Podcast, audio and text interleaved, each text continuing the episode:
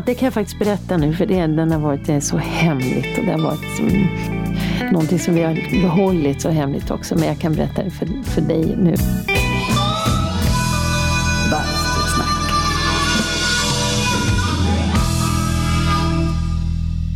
Hej och välkomna till Bastusnack. Dagens gäst är en lång blondin som jag har känt ganska länge. Tina Alin har många strängar på sin lyra, vilket vi strax kommer att få höra. Innan vi går över till bastun vill jag bara berätta att Bastusnack sponsras av Tylö Helo Bastu. På www.tylö.se så hittar du alla Tylö Helos bastuprodukter. Från kompletta basturumslösningar till termometrar. Tylös bastuaggregat är energisnåla tack vare funktionen delad effekt som sänker energiförbrukningen med upp till 30 denna funktion innebär att bastuaggregatet med automatik går över i sparläge så snart önskad badtemperatur har uppnåtts och bibehåller denna nivå under hela badet. Säkerheten är också prioriterad hos Tylö.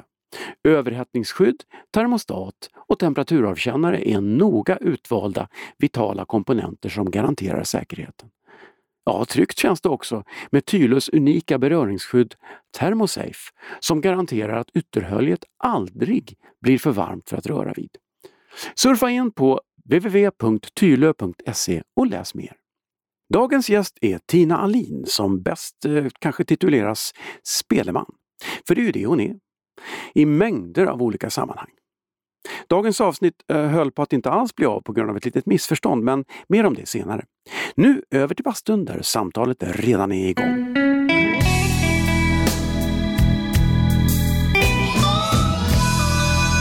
Bastusnack. Det var som när jag jobbade på P2 hela förra året. Det var bara ingen... ingen. Ja, det är ju radio, just det. Ja, jag, nu, jag, jag har, sagt upp mig redan. Jaha. Det var första gången jag varit anställd i hela mitt liv på 30 år. Men, men jag får frilansa för, för radion nu. Ja. Så att, men, men är man programledare på P2, då är man ju också ljudtekniker och Ja. man är producent. Så Ja. man måste klippa ihop allting. Och, och just det redaktionella, hela, hela den här biten. Ja.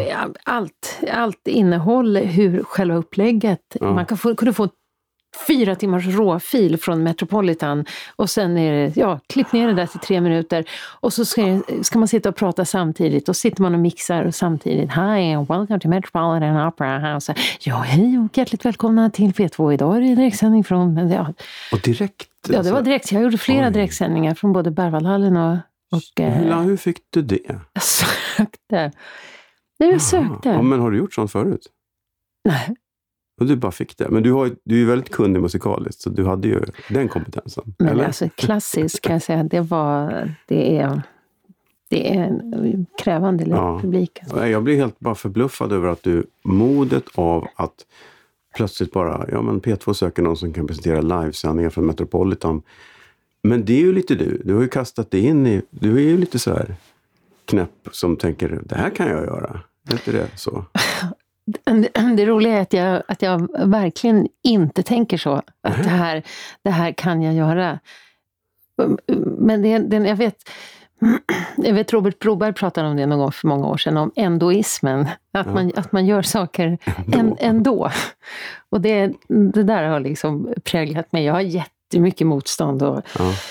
ja, det är många berg att klättra upp och nerför. Men sen blir det ändå någon sådär, ah, man gör det. Men det är en fin Ändå. livsinställning, att man gör det ändå.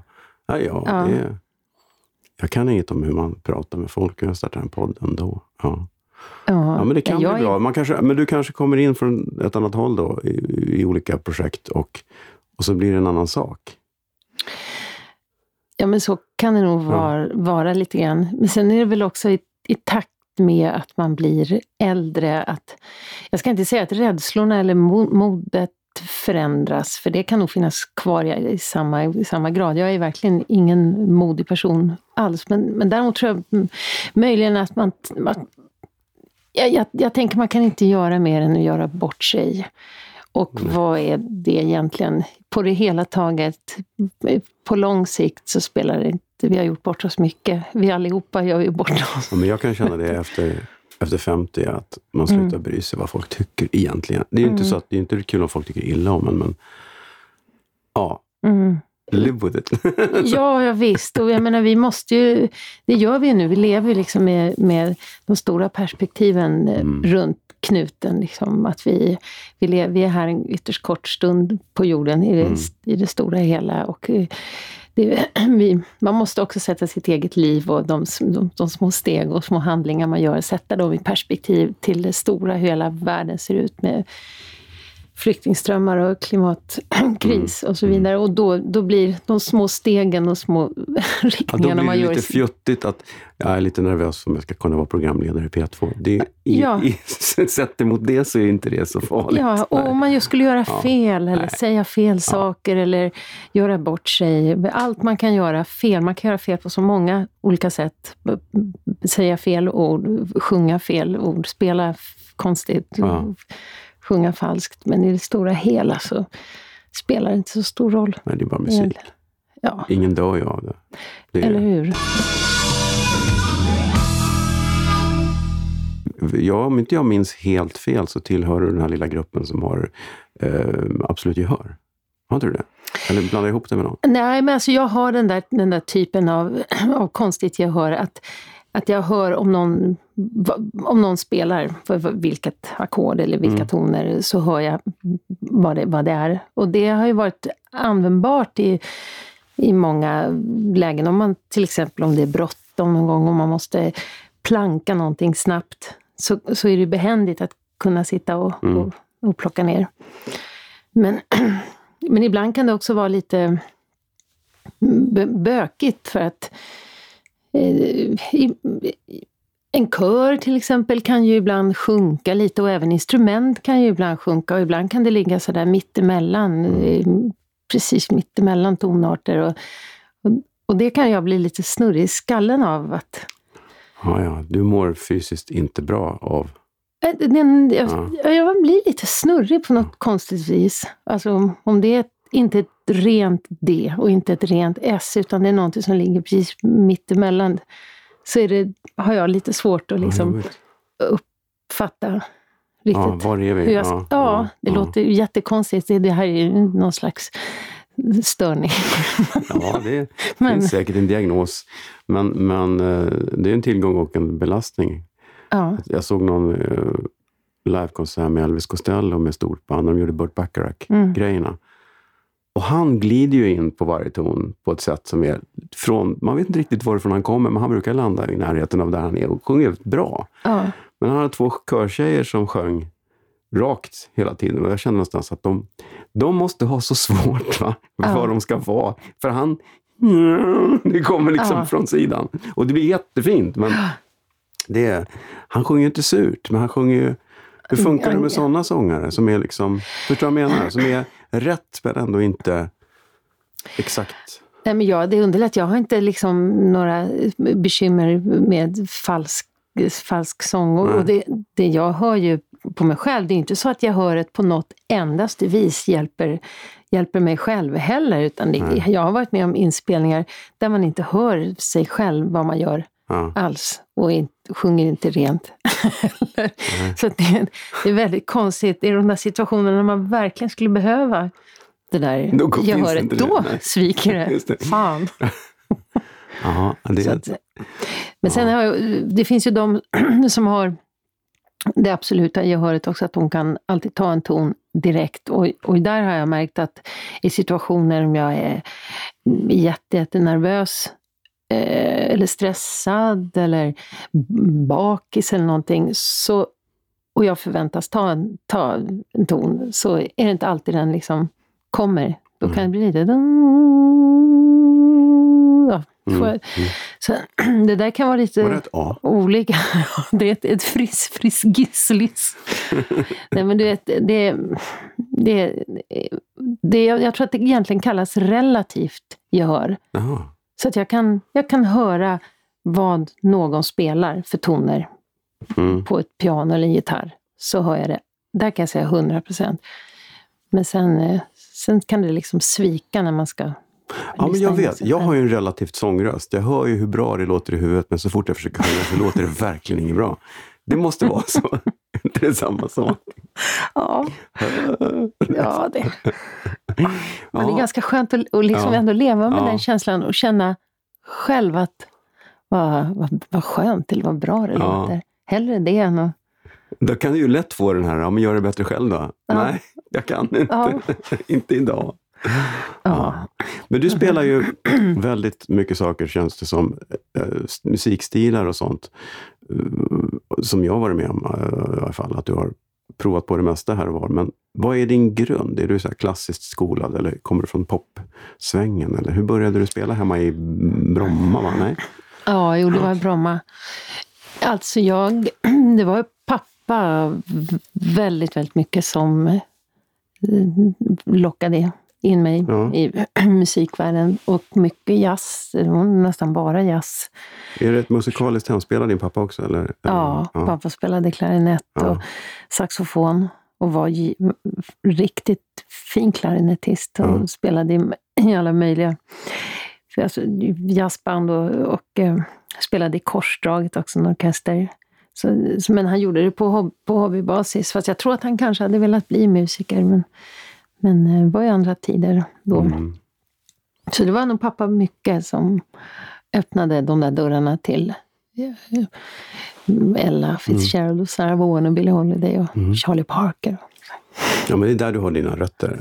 Alltså, ja. Det är ju ofta så att man har ju... Det är det här när man lyssnar på när man var ung och framförallt när man är lite så formbar i tonåren. Det är Mm. det som sätter färgen. Mm. Även om man hittar andra saker. Ja, men det fattar jag att det är. Det är liksom, då har du bra förebilder. Och det, det har liksom präglat en så Ja. mycket också. Det är fortfarande, tycker jag, om jag kan sätta på Ella Fitzgerald Ja, hemma, ja. så det, det händer någonting i kroppen. Liksom. Några- såg du henne live någon gång? Nej. För hon var ju här på Skeppsholmen. Ja. Jag såg ju det 80 någon gång. Hon var 80 någonting också. ja. De ledde in henne på scenen. Och tänkte, gud vad gammal hon är. Och stapplade Mm. fram till micken.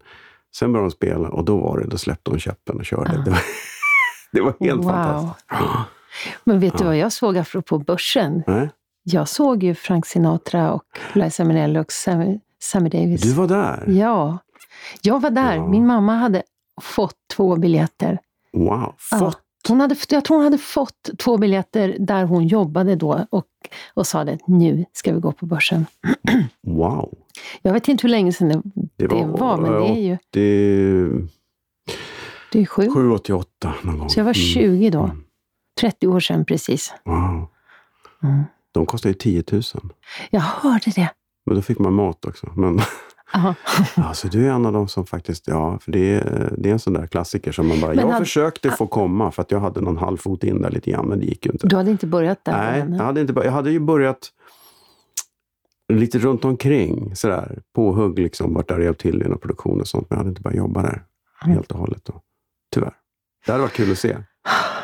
Ja, Mm. det är Och ännu roligare tror jag idag om man hade fått se det ja. Nu på något vis. Ja, om Då du var- menar om man hade varit Ja, nu, vuxen då var jag, tju- ja, faktiskt. Och då var man 20 och, och liksom ganska spretig och lite Mm. utspridd vad man skulle vara. Hur man skulle, ja. Ja. Idag tror jag att jag hade liksom uppskattat det Ja. ännu, ännu mer. Ja.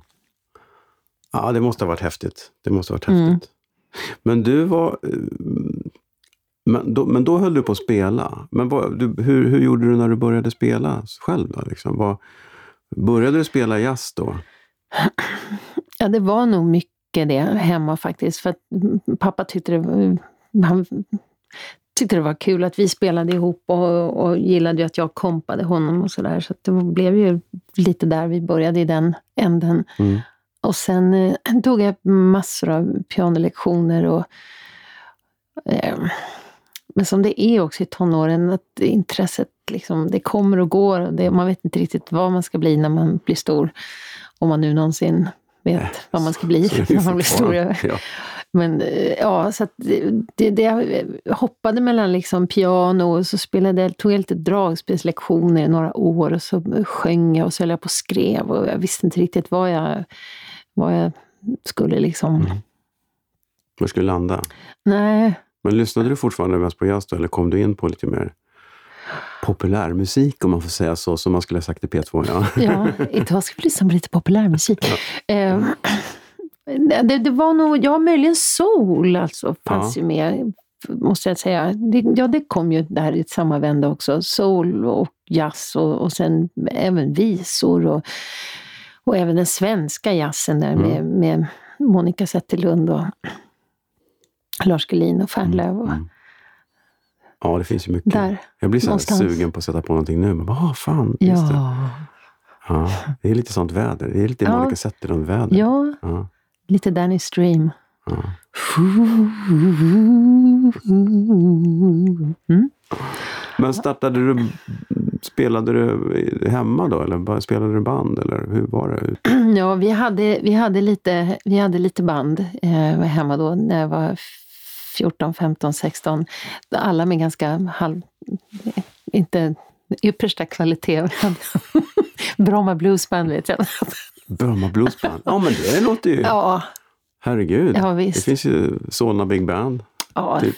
mm. Eller fanns. Eller Ja. finns de? Jag vet inte. Ja. ja, nej men så var det. Det var nog diverse olika mm, mm, mindre bra och ännu mindre bra band som vi höll på med där ute. Och, och, och även funkband. Vi skulle spela massa funklåtar med mycket synkoper. Ja, det var inte så, så himla svängigt tror jag 80-tal va? Ja, det var, Ja. det var mycket så då. Ja, Funkband som spelade med många synkoper. slapbas. Mer eller mindre bra. Alla ville Ja. låta som Shine. Mm, precis. Mm. Där var vi Precis. också i det träsket. Coffee, den Yes. gudomlige basisten, Mm. är tyvärr längre hos oss, men eh, fortfarande en, en Stor inspiration. grym snubbe. Ja. Mm. Ja, men han tror han satte, han satte nivån för alla Stockholmsbasister på Mm. 80-talet. Och så här, Åh, men kan du lira som Coffee då? Nej. ja. ja, shit. Gud, Ja, jag fnittrar just nu känner jag. det är okej. Får vi Det- skratta av oss lite? Ja, det var, stress, ja, det var stressigt det här. Ja, det blev Ja. lite rör i början. Men vi, Ja, ja, vi kan ju för, för upplysningsvis säga att eh, vi, vi tog fel på dag här. En av oss tog fel på dag. Ja, det är undertecknad. En av oss satt här och väntade och eh, en av oss Gjorde- gjorde det inte. gjorde något helt annat. Förlåt. Nej, men det är, jag tycker det är, Ah. det är okej. Jag tycker det är, Det, är en, ja, ja, det ska aldrig Det- ske igen. Nästa bara- gång ska jag komma i tid. det är bara en Till- podd. Är inte, det, ingen dog. Ah. Jag fick en jättetrevlig liksom, eftermiddag. Jag satt och läste lite böcker och tänkte att äh, hon kommer nog snart. Nåväl, Mm. det var en parentes. Men eh, du la ner funkbandet. Mm.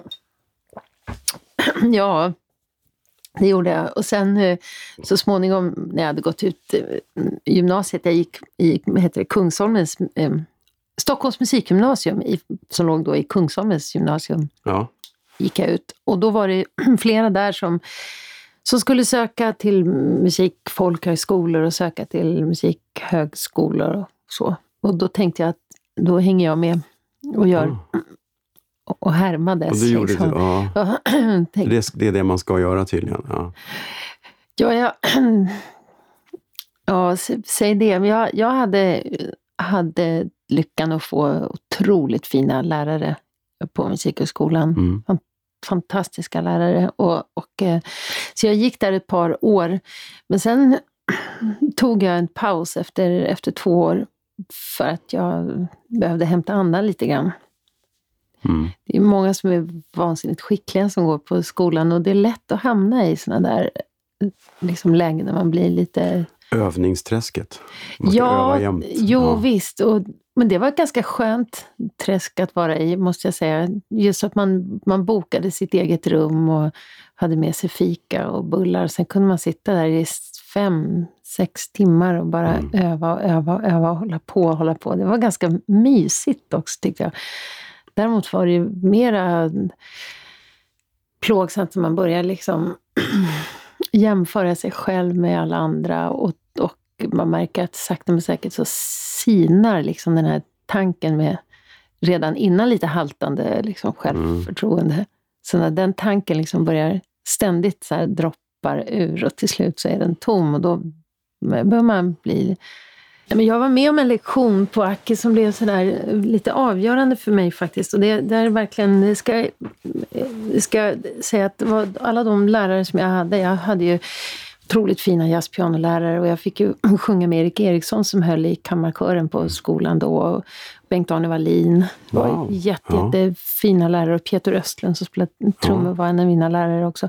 Men jag hamnade vid ett tillfälle uppe i en, en lokal på Musikhögskolan uppe i Västra Flyinge som det hette, som var en jazz, jazzdelen, där vi skulle spela jazzensemble. Och ehm, det var ett stort gäng musiker i rummet och bara, bara killar som det var då. På den tiden var ju jag ganska Mm. ensam om att vara, vara kvinna som spelade. Och, och det var, gick fort där inne, det var ett högt tempo, och det var ett ganska liksom pressat läge. Och, och det skulle gå laget runt. Och alla skulle sola och prestera. Och riktigt sån här 60-tals bebop.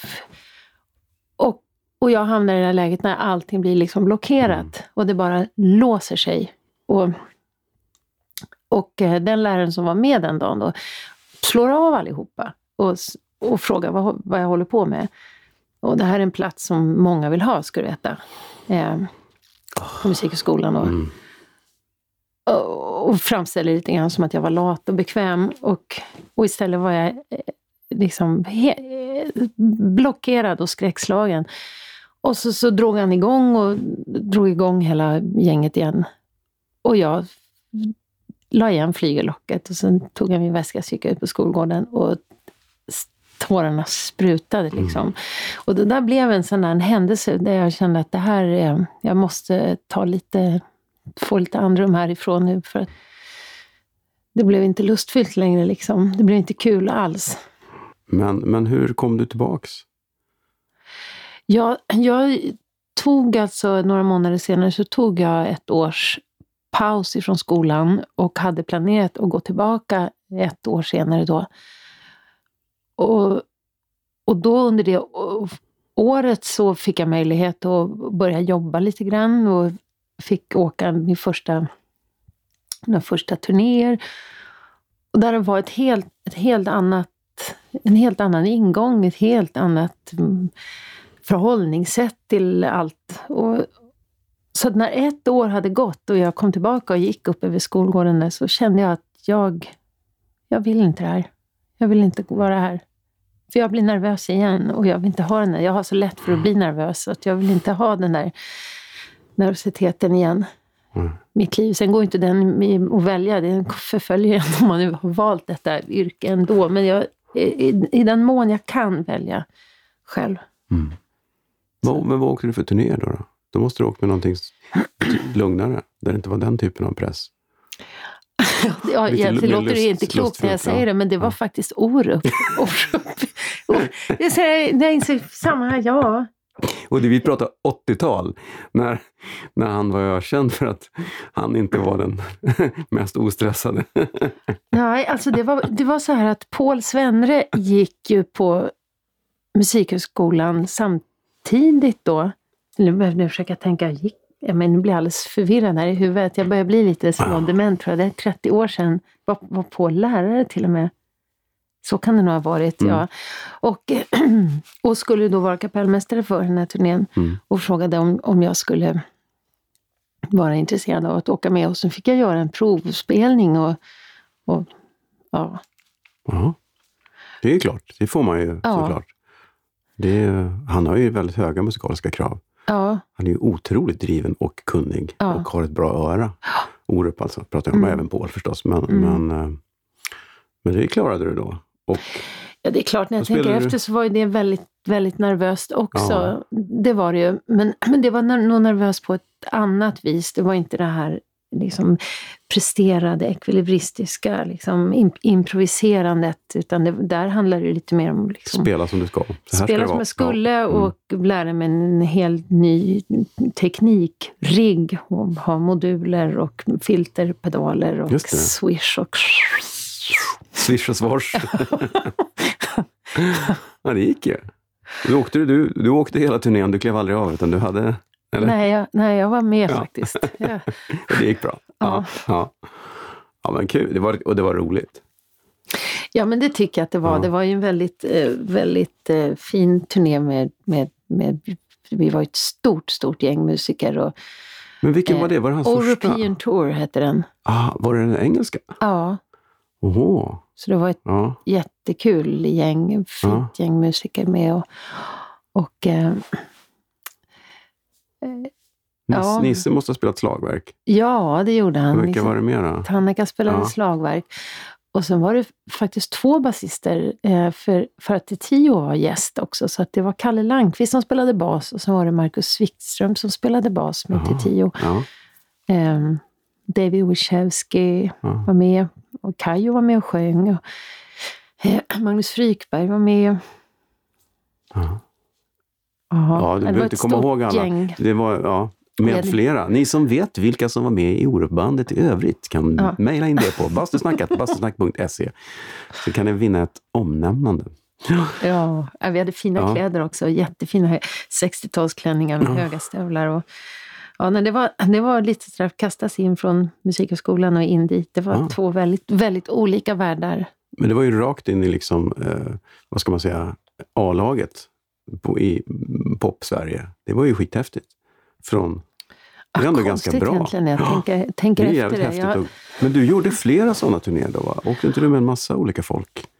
ja, men det var ju lite så då. Att, Du att, gled liksom in i den, för det är ju lite så här, den svängen, det är några som Ja. är inne i den och, och så får, får man plötsligt automatiskt en massa jobb Ja. för man fick ett innan och man behöver inte söka så mycket utan Ja. det kommer. Och ganska, också med, med alla musiker lär känna varandra. Så att till slut så är det ju liksom, Ja. ja. det finns ju en trygghet i det också. Att den gitarristen och basisten och trummisen har man alla Ja, spelat och ja. jobbat med. Så jo, det var några turnéer där under, under några år med, med eh, Sussis Orkester och eh, Robert Broberg och eh, och Lisa Nilsson och Di Leva. Eh, ja, så det var nog under en tioårsperiod som jag spelade väldigt mycket keyboard Mm. och hade mycket stort intresse av den där tekniken och liksom hade stora rack med moduler och modeller. Jag kommer ihåg, jag har inte sett dig arg så många gånger, men jag kommer ihåg en gång. Du kommer ihåg det? Jag glömmer det aldrig. Ja, Kommer du ihåg det? ja, herregud. En jag- ursinnig Tina Hallin kommer farande och säger Vem har lagt ett bananskal på min synt? Tänk att jag kommer ihåg det Vet också. ni vad den här kostar? Ja, herregud. Jag hade så himla, himla, himla ont om pengar jämt. Jag minns bara de här åren som att man bara konstant liksom, hjälp, jag har inte pengar att gå till tandläkaren. Och så just det här att man skulle liksom köpa, ändå ha liksom det senaste i syntväg. Ja, herregud, jag kan känna så här lite du ömhet för mig själv också. Man var 25 år och man verkligen la sina sista kopek på, en, Ja. på den Roland-synten. Och sen kom jag tillbaka på börsen då. Och, eh, och så stod det liksom, blev min synt så avlastningsbord med kaffe och bananskal. Och jag var bara så här, vem är Förlåt, tänk att usch. Ja. Ja. påminn mig inte. Ibland så roligt. rinner bägaren Ja. över. Det var ju så att folk ofta var frestade efter det att lägga Eller hur? Så dumt. Nej, men det, Ja. det, var, det, var en, ja, det var en kul produktion. Det var 93, va? Tror jag. Jag kommer ihåg jättemycket roliga minnen där. Ja, När Erik Häusler kom dit och hade Ja. glömt saxofon. Ja! ja. Var det inte syntsaxen, va? Jaha. Han hade lånat hem, vi, vi hade någon syntsax. Mm. Och så kom han på att han skulle spela in något med den, så han lånade hem den och Mm. glömt att ta med den. Så underbart. Det är som att gå till bilbesiktningen. Ja. Liksom. Det blev ju lite dålig stämning där hos chefen, tror jag. Ja, Vart är det? ja, Ja, det hon blev förträngt. inte lycklig. Nej. Mhm. Men, men ehm, det var ju då Anneli Rudés show Stulna kyssar. Mm. Eh, Det var första gången vi stötte på varandra. Ja, vi visst träffats var det innan? det. Nej, det var nog första gången. Där. Ja, det var nog där. Och Mm. eh, det var nog också den gången som jag var magsjukast i hela mitt liv. Det var också på, på Stulna kyssar på börsen. ja. Ja. det minns jag väldigt tydligt. Vi hade ätit sushi, lagat egen, egen, egen. Det var på den här tiden när sushin hade kommit. Ja, Kommer du ihåg det? ja, Man var så wow, vad är det här? Och så skulle vi göra det själva hemma. ja. Och jag kanske var inte var helt utslagen kan jag låg på, gol på golvet hemma. Och, eh, och jag kommer att jag ringde till börsen och bara, jag kan inte stå upp, jag bara kräks och kräks. Äh, du måste komma.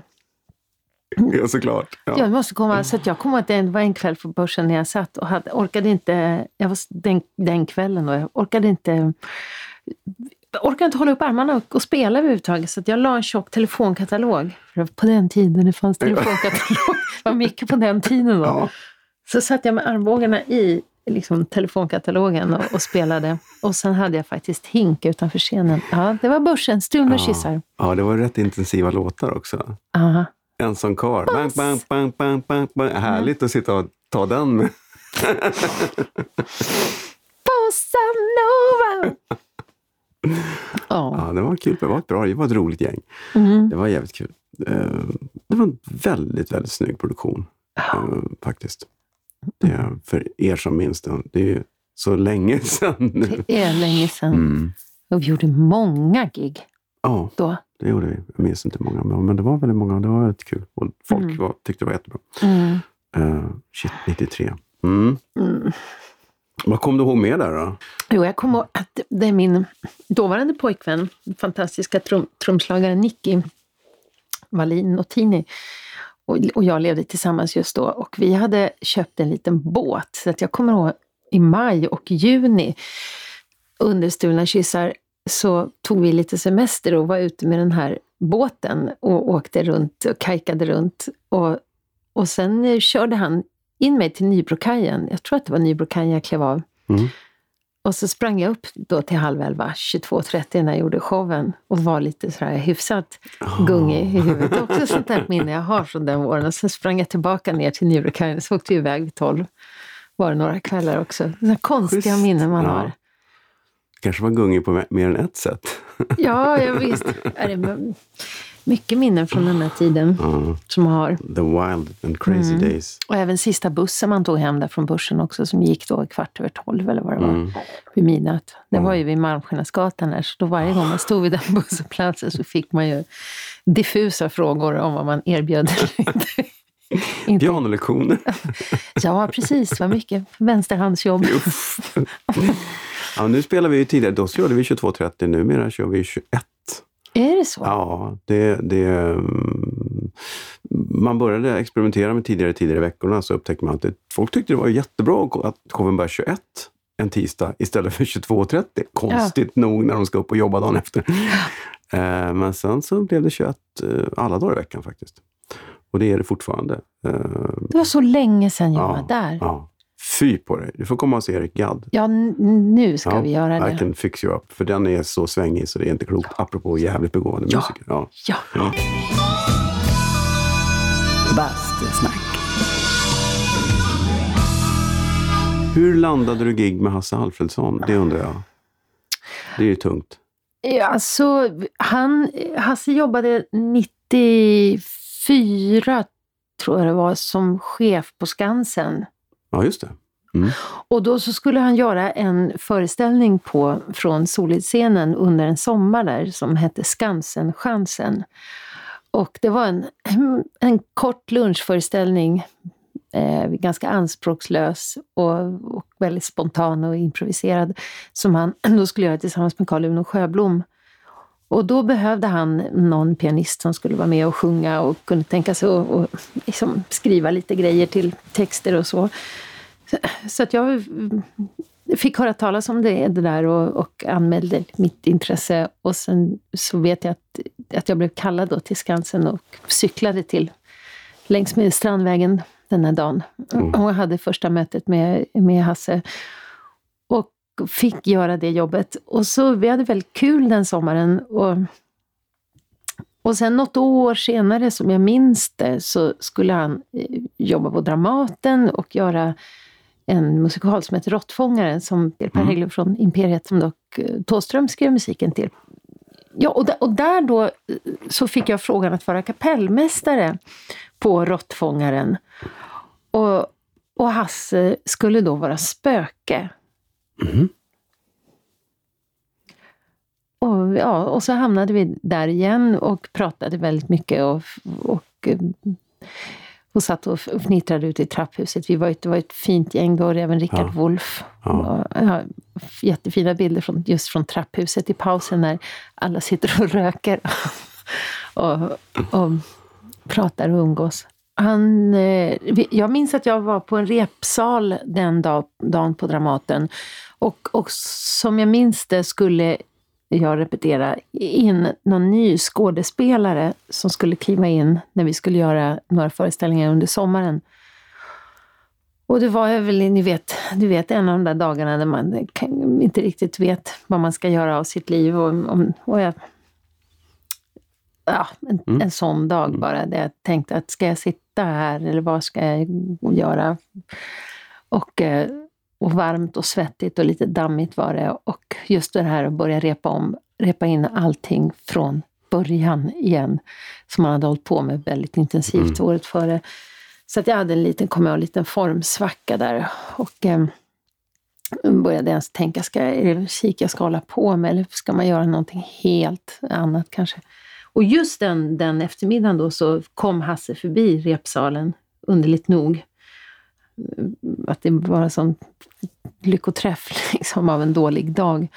Och, och berättade då att de hade planer på att göra en, en revy på restaurang Prinsen. Och och så frågade han, är det någonting du skulle kunna tänka dig att vara med på? Och det var ju så här, ja, ja, gud, jag blev så glad. Så jag, när jag började... Jag gick faktiskt, cyklade hem och, och verkligen faktiskt ja, det, grät. Och jag var så jävla lycklig. Jag kände mig så fruktansvärt ja. lycklig och glad över det ögonblicket. Du fick svar direkt liksom. att det är klart jag ska hålla på med det här. Ja. Men ja, men det var i alla fall ja. så här, känna att man blev lite upplyft i kragen igen. Liksom, när tvivlen kommer ibland, som de gör ju. Ja, ja. Det ingår i det. ingår i hela livet. Vad häftigt. Så, så så vart det. Och, och då, då började vi att jobba någon gång där under den våren och, och skriva och träffas och prata vad vi kunde göra. Mm. Mm. Det var ju, den gick ju, ja, tyvärr så av någon anledning så såg jag ju aldrig den. Men den gick ju väldigt bra. Det var inte så konstigt. Det var 140 platser tror jag där ja. inne på Prinsen. Eller om ens det, 100. Ja, den sålde ut så. Ja, det var inte så stort. Nej, det var inte för Stålarna när de gjorde det. Nej. Nej. Kul.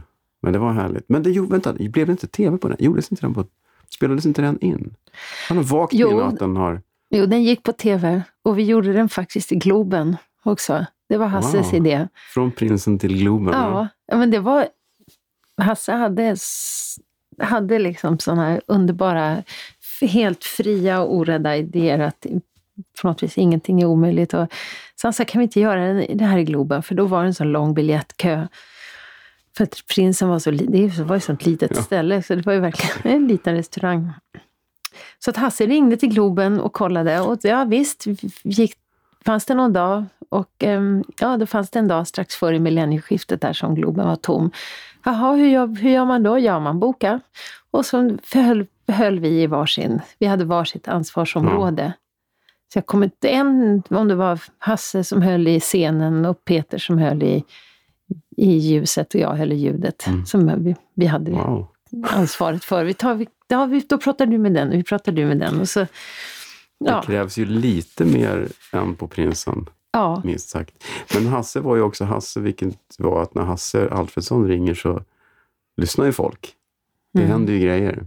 Mm. Han, var ju, han var ju en gigant. Ja. Mäktig, mäktig man. Mm. Jag, hade faktiskt, jag fick faktiskt jobba med honom en gång. Det var kul. På, på Dramaten. En föreställning. Yes, ja. vilken? Föreställning som heter En liten ö i havet. Eh, som gick på 80-talet som var en, en, musikal med, som, som Hasse hade skrivit baserad på en bok av Halldor Laxnäs, den isländska författaren. Eh, och då var ju, bestod musiken av eh, klassisk gammal tradjazz. Det var nämligen Jazz Doctors som spelade, som var mm, orkester. Ja men du, är det den ja. föreställningen där hälften av en kyss Ja. En mun är hälften av en, en kyss. Mun är hälften ja, av en kyss. Ja, det är den. Helena Bergström var med och jag tror hon praktiserade faktiskt från scenskolan. Jag tror inte hon var utexaminerad skådespelare då. Och eh, Severud var med, Lena Nyman som mm. då sjöng den låten, Sven Lindberg, eh, Harriet Andersson. Det var en helt galet tung ensemble faktiskt. Ja. Och vi var på turné med den till, till Island i Reykjavik. Ja. Och vi var hemma hos Halldor Laxnäs där minsann. Um, ja, det var skithäftigt. Och Hasse var med och det var ju alltid lekar och hyss i, såklart. Ja. I och med att som han hade ställt mm. till med. Det var jättekul. Och den musiken, ja. alltså de ja. låtarna. Han gillade ju sån gamjazz. Har du liksom. kommit för att hela mitt halva liv? Mm. Så du har lyssnat på det, eller? Ja. Mm. Såg du den? Jag gjorde inte det. Jag visste inte ens om det då. Det kan ha varit 80, Ja. Men, eh, ja, inte, 86, 87. Ja. men den biten eh, sp- spelade vi på begravningen. Mm. Mm. Svante Turesson sjöng Mm. Just den biten. Mm. Fantastisk. Mm. Den är lite bortglömd. Den skulle kunna vara ett örhänge, eller vad man Ja. säger, som borde spelas oftare. Ja, det är, ett- det är ett Ja. stycke musik Mm. som gick rakt in i hjärtat Mm. för mig när jag Mm. hörde det första gången. Det är alltså och Jazz Doctors. Jag kommer inte ihåg vad kapellmästaren hette där. Det får ni googla. Ja. Mm. Men Claes Jansson har sjungit in, in den. Det har han nog gjort, ja. Mm. Just det. Men han har Vi väl jobbat en del med Jazz Doctors, va? Mm. tror jag. Just det. Just det. Men då i föreställningen så var det Lena Åh. Nyman, tror jag, som Och du var med där. Ja, det var jättehäftigt. Vilket gäng, vet du. Nej, det var ju, man var ju bara... Jag var ju 20-ish. Knappt det, 19 kanske. Åh. Och det var ju helt knasigt häftigt med de människorna. Som ju nästan ingen finns kvar idag. Det var ju faktiskt fantastiskt. Och Helena Bergström lever ju. Men Ja. i övrigt så är ju alla de där stora borta. Harriet Andersson lever också, faktiskt. Mm. Eh, så ska vi säga för säkerhets skull. Hon var ju med i Stjärnorna på slottet. Mm, hon. Ja. Äh, jävla raffig tjej. Jag Mm. tänkte då, synd att man inte är 40 år äldre, tänkte jag. Ja, hon var rolig. Hon var häftig. Mm. Nu är jag 40 Fin år äldre, men det är hon också. Ja. Nej, det är inte 40 år sedan, men det känns som det. Nu är man 40 Jo, år men det är äldre, fan snart och det är 40 år sedan. Ja, ja, jo.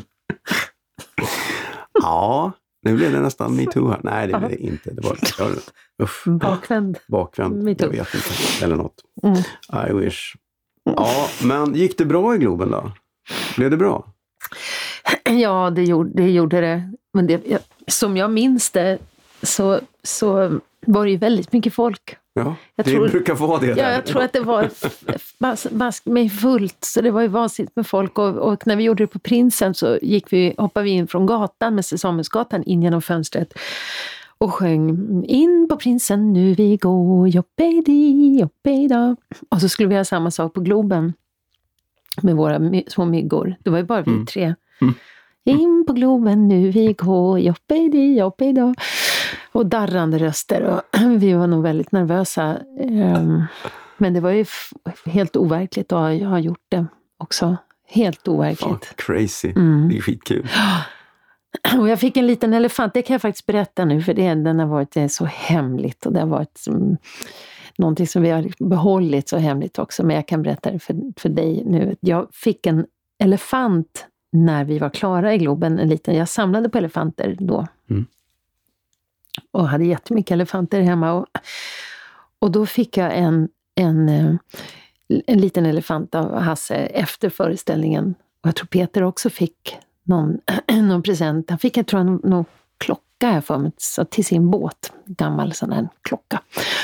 Och, och, och så sa Hasse, bara läs brevet, för den har en ganska intressant historia, elefanten.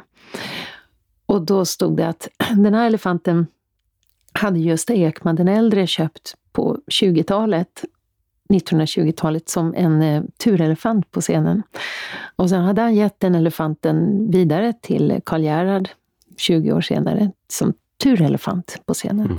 Och så småningom så gav Karl Gerhard den till Tage Danielsson. Och eh, någon gång på 80-talet så hade Märta-Stina Danielsson, Tages änka, gett den till Hasse när han skulle göra Tingeltangel tillsammans med Povel Ramel. Och sen där då, 99 i Globen, så fick jag den här elefanten för att den skulle ge tur på scenen. Wow! Ja, enastående Amazing. upplevelse. Ja, och det var ännu mera tårar gick jag in på toaletten med Globen och, och grät. Och, och sen har den där underbara lilla, lilla elefanten stått på en hylla i min stuga. Jag har ett, ett litet, litet musikhus ute på Värmdö. Där den har stått och varit med i alla, alla år tills nu efter sommaren när jag tänkte att nu har det faktiskt gått 20 år precis. Nu är det dags att den här elefanten ska få, ska få flyga vidare. Så jag pratade med, träffade familjen Alfredsson och vi möttes, samlades eh, i slutet av augusti. Eh, båda familjerna, Alfredsson och Danielsson, och, och eh, gav elefanten till Nej. Och det har vi hållit så hemligt, så att det här är egentligen fortfarande väldigt hemligt. Det är en liten hemlig vandringspokal, men samtidigt är det så fint att få berätta också att, att eh, Wow. elefanten nu lever och frodas och har det bra hemma hos Fint. mm. För att inte bringa otur på det här så måste vi ju då hemlighålla Ja, vem precis. det är. Ja. Mm. Mm. Du har ju gjort någonting som var väldigt uppskattat i vårt hushåll i varje fall. Du gjorde plötsligt en, plötsligt, det låter som att du bara vaknade en dag och gjorde någonting, men du, du gav ut en barnvisebok med ljud, en sån här med en liten knapp där man kan höra med klassiska barnvisor. Vilket jag tycker är ett fantastiskt fint jobb för det svenska kulturarvet. Så att Mm. säga. Vad, eh, kom den, var det din idé eller var det så här ett, ett uppdrag? Eller hur var det? Ja, det, var, det var en fråga som kom ifrån ett bokförlag som heter Max Ström som har eh, gjort liknande ljudmodulböcker förut. De har ju gett ut bland annat en bok med fågelljud som också är väldigt rolig. Mhm. Och Ja. även om man nu tycker det är kul att Ja. lära sig lyssna på storlommen låter. Och, jag tycker den, den boken har varit faktiskt väldigt rolig att ha ute i, ute i skärgården. Eh, och och lik- likaså en bok om vilda djur har de också gjort. Men då så pratade de om att de skulle vilja göra en liknande med barnvisor. Och då Ja. hjälptes vi åt och, och plockade ut eh, 50 stycken barnvisor. Bollade fram och tillbaka vilka som för att, ja, vilka som skulle fungera i boken och man skulle ha så brett spann som möjligt över både genren och, och även ålders, åldersgrupperna och tänka att både små och lite större barn skulle kunna sjunga. Ja, jag har sjungit. Har du det? Det är det som är meningen också. Det ligger ju bara... Det Man ska bara, sjunga med sina barn. Ja, men Ja, det är, jag det- tycker det är toppen. Det är, det är bara det. piano och munspel i, i boken, så att meningen är ju just att man Ja. ska sjunga själv. Ja. Nu kan du plugga den stenhårt. Vad heter den? Själva boken, Ja. eh, Svenska barnvisor. Svenska barnvisor. Mm. Ja. Det är inget bra namn, för det är svårt att googla på. Mm. Man Så- tror ju att de här visorna, vi tror ju att de, de är förvisso en del av, av vårt kulturarv. Och, Mm. och man kanske tar för givet att, att, det kommer att fort, att de kommer att fortsätta vara det också, men så är det ju inte riktigt med det enorma utbudet av musik som finns idag och lättillgängligheten, Mm. alltså hur lätt det är att bara kunna få få vilken musik man vill och gratis på Youtube eller Spotify eller vad man nu vill. Men eh, Fast det fäster ändå tycker jag. Jag känner ändå att barnen idag sjunger ju jättegärna Idas sommarvisa och sånt. Mm. För att det ligger i... Det är klart att det förnyas. Det kommer säkert någon ny liten sån visa var tionde år. Men vissa av de där är ju liksom... De är ju odödliga. Hoppas jag. ja, det jag var ju en, en, liksom en, en, förutom med Alice Tegnér som ligger lite längre, lite längre bak i, i tiden, eh, så var det ju en fantastisk epok där på 60, 70, 80-talet där det skrevs så otroligt mycket fin, eh, Mm, fin barnmusik. mm.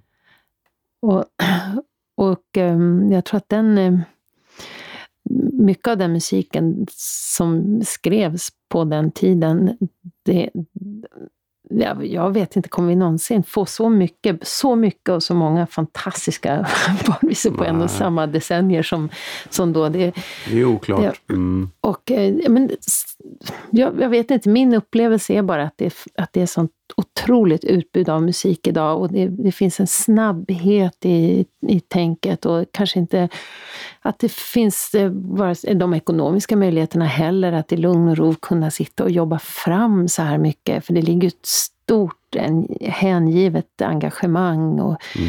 tid och lust bakom, bakom den här musiken. Det, de möjligheterna kanske inte ges idag heller på samma vis, tror jag, Barnkultur hamnar lite på, på sniskan. på sniskan om det inte är sådär käckt hoppa skrik.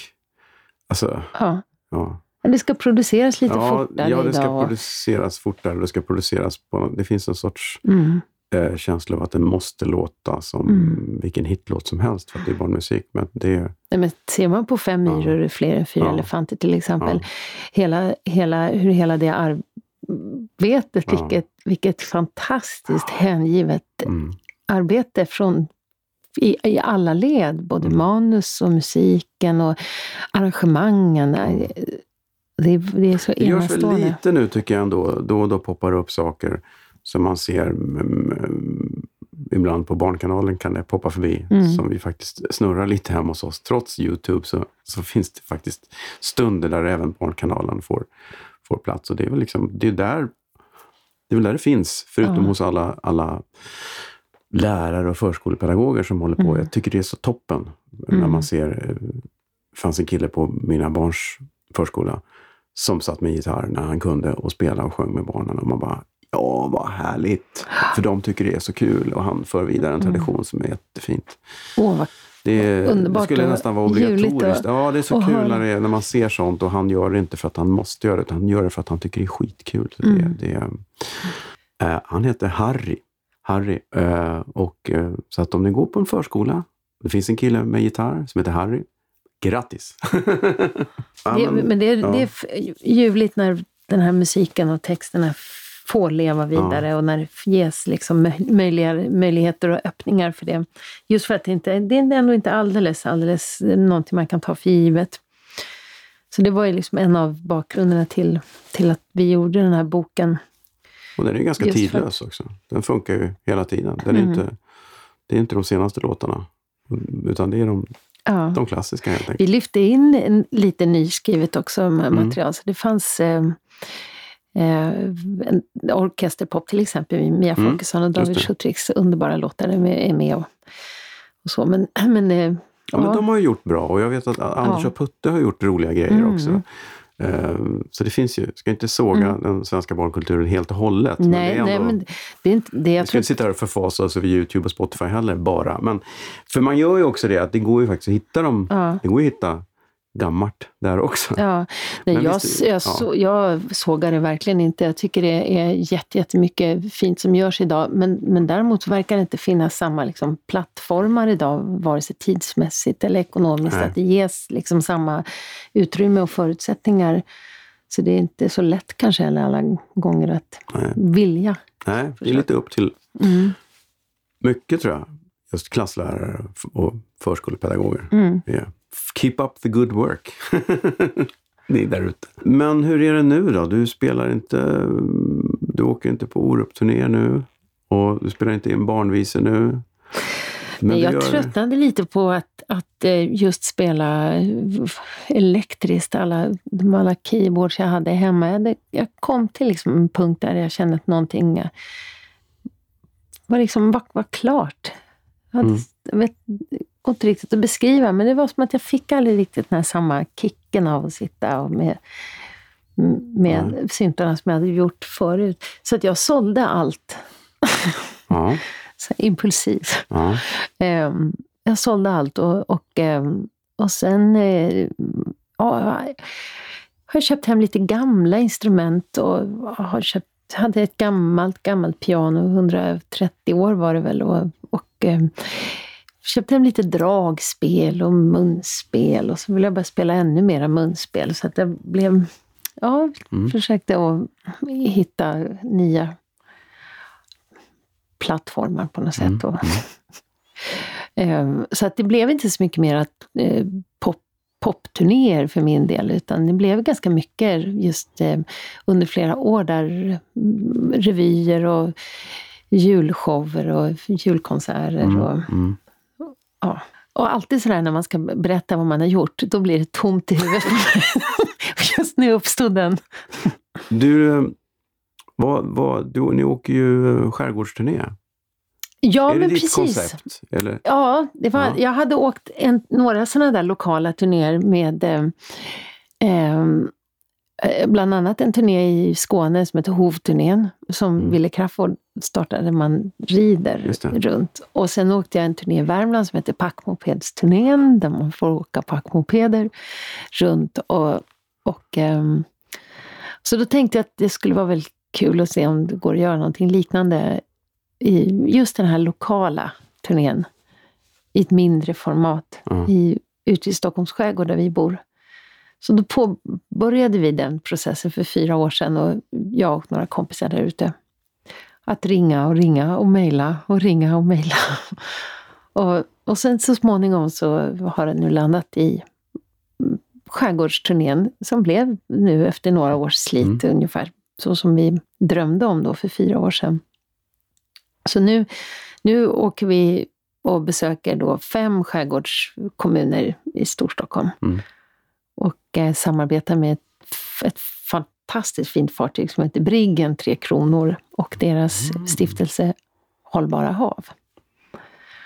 Så det är ett miljöprojekt också? Ja, vi har i alla fall försökt att, vi, vi, vi har haft ett hållbarhetstänk genom, genom hela turnén så att vi samarbetar med, med flera lokalproducerande gårdar och aktörer så att vi har mat och, mat och dryck och konsthantverk och så hela, hela processen. Och vi har kört miljöbilar som vi har haft spons på så att vi har försökt att ha ett Mm. hållbarhetstänk i, i allt vi gör.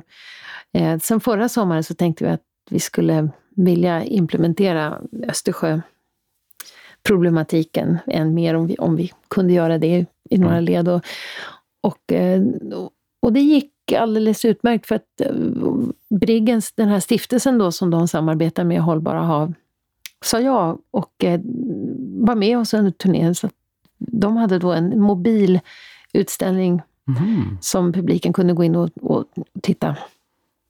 Och har vi tur och allting faller, bitarna faller på plats nu för nästa sommar så åker de med igen. Och då, I sådana fall så talas det om att utställningen kanske ska ut, utvidgas lite, att det kommer även vara vatten med för att man ska kunna se Ja, vi ska ha vattentankar för att kunna se vid genomskärning hur vattnet ser ut. Och, Hur illa det är? Mm. Mm.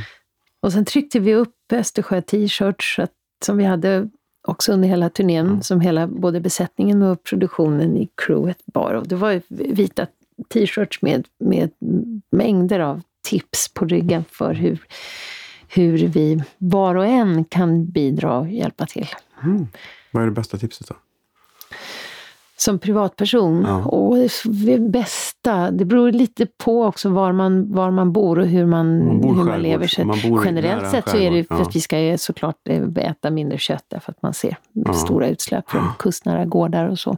Så att eh, visst äta lite mer vegetariskt. Men ah, i alla led tänka miljövänligt, att man an- använder miljö, miljövänligt, Mm. miljövänligt tvättmedel eller när man, hur man tvättar och städar och diskar. Hur man gör det. Mm. För att vi gör det, det vet vi ju. Men Men, hur man, ja. men hur? ja. För allting hamnar i... Allting hamnar i Östersjön så sjön. Så småningom, att, ja. ja. visst, Mm. och så att aldrig hälla saker i toaletten eller i badkaret. Mm. Och, Mm. ja. Nej, det är de små detaljerna som gör det, tror jag. Mm. Men har ni, eh, har ni scen på fartyget då? Eller bygger ni en scen på kajen där ni landar? Eller? Både och. Ja, Vi har haft en scen på, på skeppet. ja, Så att när vi hade vår premiär på Kastellholmen, då spelade vi från skeppet. ja. Eh, sen har vi varit, haft med oss en mobil scen också eh, som transporteras till, till respektive plats. Och ibland finns det befintliga scener också. Mm. Men det är ett spännande projekt. Det är, det är roligt att hitta ytterligare ett sätt att åka på turné på. tycker jag. Ja, ja, Vad är ja. nästa liksom? Ja. Luftballongsturnén. Vi spelar där vi råkar landa. Det är ju rätt kul. Ballong. Där har vi det. Ja, ja. ja det, det, är, det är ju väldigt roligt trots allt att, att starta egna projekt. Ja. Det är skitjobbigt också och det är många liksom svackor på vägen när man tänker att det här kommer inte det här mäktar vi inte med för att det är också så stora ekonomiska risker man Mm. tar. Men, men det är ju så, det är när liksom 40 dörrar smäller igen i Mm. ansiktet på en så till slut öppnas fan i mig något litet, litet fönster Mm. faktiskt. Där man känner, ja men det kommer att gå. Ja. Fast man ger upp hela tiden. Liksom. ja, men Så då är vi där igen, endoismen. Endoismen, det är ju Mm. asbra. Men det, ni gör det tillsammans, du, du och din man Morgan, ni är gifta va? Ja. Mm. Ja. Du är ju gift med den ekvilibristiska, kända sköna trumslagaren Morgan Ågren. Men du heter ju inte... Fru Ågren. Du heter Jag inte är fru Ågren. Fru Ågren Du ändå. är fru Ågren. Ändå. Fru Ågren. Fru. Ågren. Välkommen fråga. Men du, du äh, han är med på turnén också? På, Mm. ja, men spelar ni ihop? Ni har ju väldigt olika musikalisk bakgrund kan man ju säga. Mm. Men har ni parat ni ihop det? Alltså vi har ju spelat um, jättemycket ho- ihop genom årens lopp. Ja. Och, eh, det är det som är det fascinerande med Morgan. Många, många tror ju med Morgan att han är en, en eh, racetrummis i racerfart som bara spelar extremt svår fusion. Ja, Men så är det ju inte. Han är fantastisk eh, trumslagare i så många genrer, måste jag säga. Vi har, jag har gjort en Allan Edwall-turné tillsammans, mm. Stefan Sundström och jag, där Morgan var med och spelade. Jätte, jättefint. Och vi har gjort andra visprojekt och varit med i olika eh, tv-sammanhang. Och allt, allt möjligt där Morgan har varit med. Och, Ja. och ehm, det är som sagt, han, är, han förvånar nog många faktiskt för att kunna vara en sån, även så, så Mångfacetterad, stillsam, ja. mångfacetterad, lyhörd. Ser man... Precis. Kan du bara spela på 2-4 här? Jajamensan. Ja, nej, men, Nej, men jag, jag känner väl- mig att ni, ni, ja. ni borde kunna eh, kreera, komponera själva en ganska häftig fusion av... Om, om ni mi- mixar era hjärtestilar, Mm. så att säga, skulle det kunna bli ganska häftig musik. ska jag, Eller? det ska jag, ska jag föreslå faktiskt. Känner jag. Att vi, jag bara...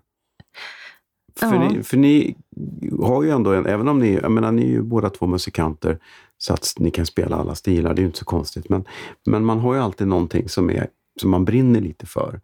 Och du brinner ju lite mer för det här jazz-folk-grejen. Mm. Och, och jag menar, alltså, kom igen, han blir ju lycklig om han får spela en paradiddle ibland. Det är ju så.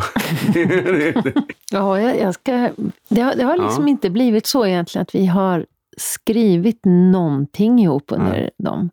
det känns i och för sig som att 18 det som bli jävligt vet. smalt, men ändå kul. Väldigt, sm- men det skulle vara roligt faktiskt när du säger Ja. det. Men vi har, vi har, som tur är, så har vi har funkat att spela ihop och vi har Mm. faktiskt som, vi har, vi har väldigt kul när vi spelar ihop och jag tycker det har liksom gagnat äktenskapet också, att få lira ihop. Mm.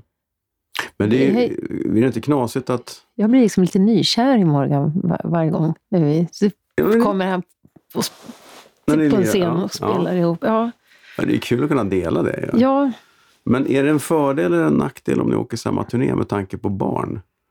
Att sy ihop livet. Hade ni hellre åkt på separata turnéer för att kunna ha någon hemma hela tiden? Alltså när, vi, när Alvin var mindre så var det ju vår son Alvin, när han var mindre så var det ju så ibland att vi blev tvungna att ta lite beslut. Vem åker och vem gör. Och Mm. I de lägen det, det inte gick att lösa. Men sen nu när Alvin har blivit äldre så är han med hela tiden. Mm. Och, och han har ju vant sig vid turnélivet och, och verkar också tycka nu att det är väldigt kul. Så att Mm. nu i somras när vi åker, då sa han just det. Åh, snart är det skärgårdsturné igen. Kul! Ja. Ja. ja, men det är Så bra. att, Ja. för det är ju, det, jag tror det är ganska kul för dem att få, få hänga med också. Båda föräldrarna jobbar och vara, Mm. jag tror själv jag hade gillat att få Mm. lite turné. Mm. Jo, men framförallt om det är en lagom, att det inte är sådär superpressat att Mm. imorgon ska vi flyga till Berlin och sen ska vi vara här och här, utan att man, Mm. man åker faktiskt båt och softar lite. Ja, Eh, För det antar jag att ni har tid med. ja visst. Och Och, lite. Ja, och vi har ju spelat på otroligt liksom, mysiga, lugna, barnvänliga, barnvänliga miljöer. Alltså, för, för, hänga på Möja och vara där och Mm. få åka okej. fyrhjuling runt på Ja. Möja. Ja. Ja, det är superfint där. Ja. Mm. Nej, jag, jag är faktiskt himla stolt över den här lilla, lilla turnén, måste jag Mm. säga. För att det, har- dels har det känts så roligt att få göra någonting för, för skärgården. I, och vi har försökt att liksom ha utmaningar att hitta platser där det inte det är inte några självklara platser, utan hitta liksom miljöer där, som är otroligt vackra och Mm. som skulle kunna ja, ge både publiken och- en upplevelse och även kunna ge tillbaka till någonting till skärgården också. Mm. Finns det någon hemsida? Skargardsturnén.com Ja, gå in på skargårdsturnén. Skargård, det kan man inte säga. Skargard. Skargardsturnén. Skargard. Ja, Mm. så får ni se. var Ja. ni hittar Tina och familjen i sommar. Ja. För det blir en i sommar också. Mhm. Ja. Det har blivit dags för Skämskudden. Herregud vad pinsamt. Skämskudden. Nej, inte den där gamla demon. Hur har du det med skämskuddar? Jag vet ju, du har ju frågat innan om det här Ja. med skämskudden. Och jag, jag, vet, jag ska säga att jag har så, jag har så många så att jag hade liksom svårt att, att välja mellan. Och då kan det nästan låta som att man har orimligt liksom höga krav på sig själv. Men, men för att, som att man skäms mycket. Men, men så är det kanske inte. Men det, det är mest den här underliga upplevelsen att jag då tyckte att det var lysande idéer man hade kommit på. Alla dessa idéer. Mm. Och som i efterhand känns, nej, nej, det var ingen bra idé alls. Men vad, har du, vad är det du har tagit med dig för någonting då? Ja, jag... eh, Ja, jag kan ta till exempel så fick jag ett nummer skrivet till mig för, för ett antal, antal år sedan som hette Tondöv. Jaha, okej. Ja. Och, eh, och det var ett nummer där jag sjöng falskt. Och det, det var, passade ju bra i, den, i det liksom läget när jag, när jag skulle göra det då. Men sen så använde jag det där numret i, några år efter det där. Och sen vid ett tillfälle så skulle jag sjunga på Kunskapsgalan, tror jag det hette, i Blå hallen. Ja. Där det var tv-sändning också och väldigt prominent och tjusig publik. Och jag tycker att det här var jättekul att göra det numret där. Och sen, eh, men sen när jag såg hur kamerorna liksom gick runt. För det är också lite speciellt det där med att sjunga, sjunga falskt. ja. För att det är inte alltid så att alla verkligen liksom uppfattar, de flesta gör ju det, uppfattar att nu är det verkligen, verkligen falskt. Men sen finns det ju de som faktiskt tror att det här är någon som gör det här på allvar, och att, fast det bara låter väldigt, väldigt, väldigt illa. ja. Oh, Ja, aj. Och, ja, det är ju en gränsdragning. det är en... Vad fult hon sjunger. Ja, men jag vet inte. Men det, men det som sagt, jag kommer ihåg att när jag såg när det här gick på tv sen och, och, och, och det blev liksom närbilder på folk i publiken Mm. som satt där runt, så kände jag att jag blev helt kallsvettig. Så det har jag tagit med mig en inspelning Ja, faktiskt ja. därifrån. Ja. Ehm, De fattar helt enkelt inte grejen. Eh, nej, nej, jag tror faktiskt inte det. Och det lät, eh, det lät faktiskt, eh, det lät ju väldigt, väldigt illa också, måste jag säga. Det lät, det lät ju nästan så illa som någonting kan göra. Ehm,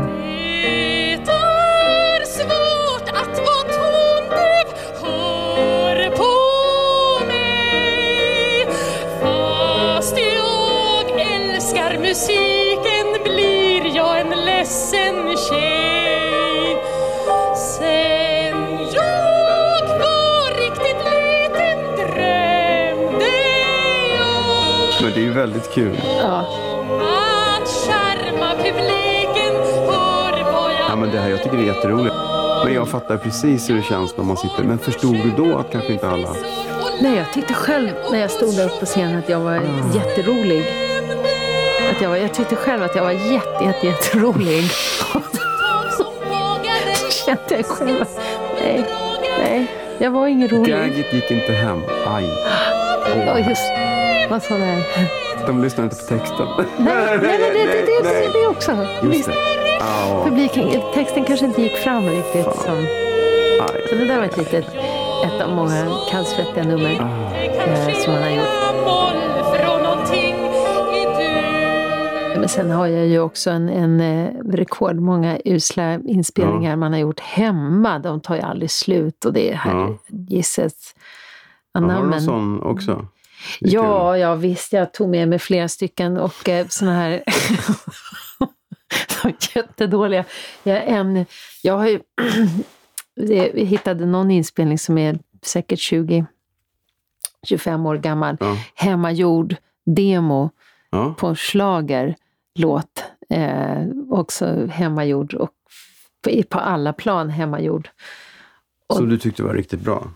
Ja, och den, den, faktum att jag har inte lyssnat på den sen, sen dess, den, den, den är faktiskt så Ja, men- otroligt dålig. Texten är Du kan svika mig totalt, dissekera mig verbalt. Bara det, dissekera mig Ja. verbalt.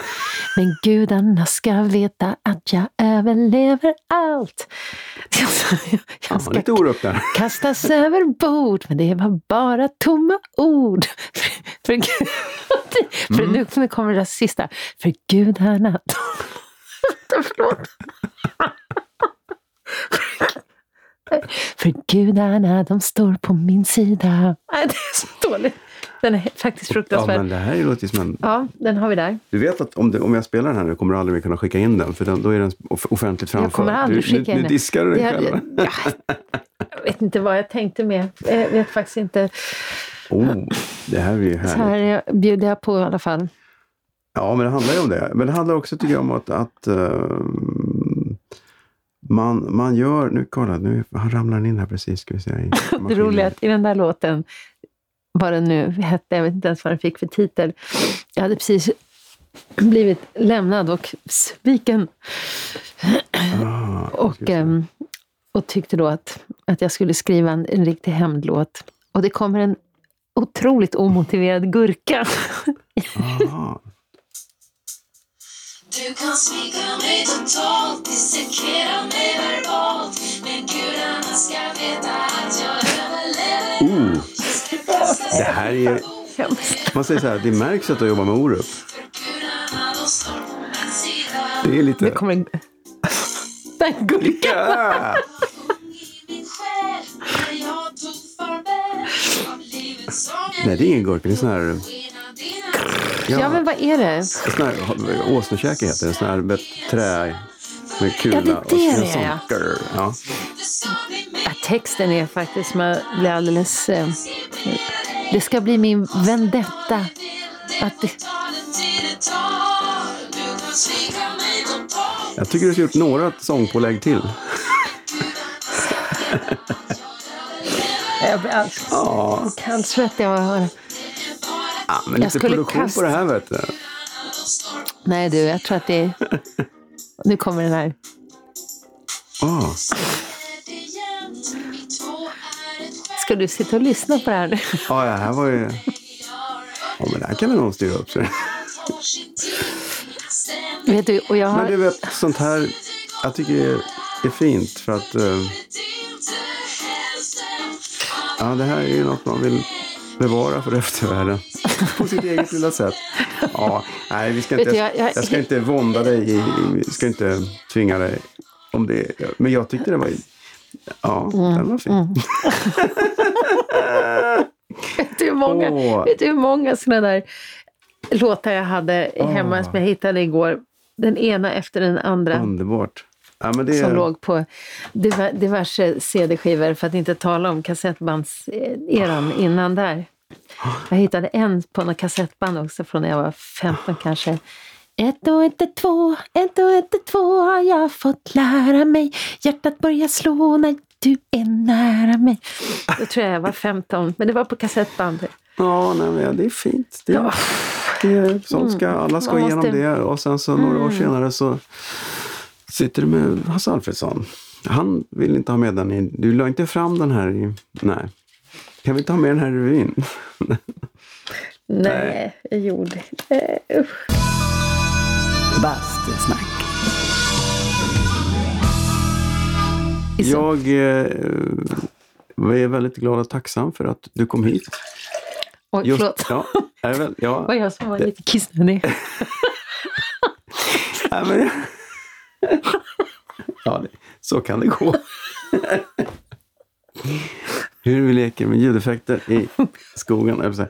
Nej, men, ehm, jag är jätteglad att du kom hit. Idag i alla fall. Ehm, du kunde ha varit här igår men det hade det inte blivit som det blev idag. Jag tyckte det var väldigt Tack. kul. Tack för ditt Eh, och tålamod, nu kära är- David. är det bara sjön som väntar. Den är lite, flyter lite löv i den och den håller väl kanske pass 5-6 grader. Jag är ju en hängiven bastare ska du veta. Ja. Jag älskar att basta, så det, Ja. här var, det här var ljuvligt Ja, skönt, skönt. att få svettas. Ja, men då hoppar vi i spat. Hur, varmt, hur kallt är det nu i vattnet? Nej, men det är, det är, det är plusgrader fortfarande. Ja, Ja, Vi pratar plus, Plus, vi pratar plus, minst plus 11 grader. plus flera. Ah, Plus 8, halvera det kanske. plus 5 grader. Ish, typ. Det märker vi. Det Yes. svåra är inte att komma i, det svåra är att komma upp fort nog, som min granne brukar säga. Men eh, Kloka tankar för dagen. tack för idag, så ses vi på skärgårdsturnén kanske. Tack Mm. snälla David. Bastusnack. Ja, det var snacket med Tina Alin. Och eh, ser ni en liten elefant i någons loge någon gång, då vet ni vems den har varit. Gå gärna in på bastusnack.se där ni hittar alla tidigare avsnitt. Ni kan också prenumerera såklart via någon av alla poddappar som finns, så missar ni inga avsnitt i framtiden. Bastusnack sponsras av Tylö Helo Bastu. Det finns ingenting som är så rogivande och avkopplande som ett bastubad. Surfa in på tylö.se och kolla in deras enorma utbud av bastuprodukter. Det var allt för denna gång. Vi hörs igen om en vecka eller två med en ny spännande gäst. Till dess, basta försiktigt!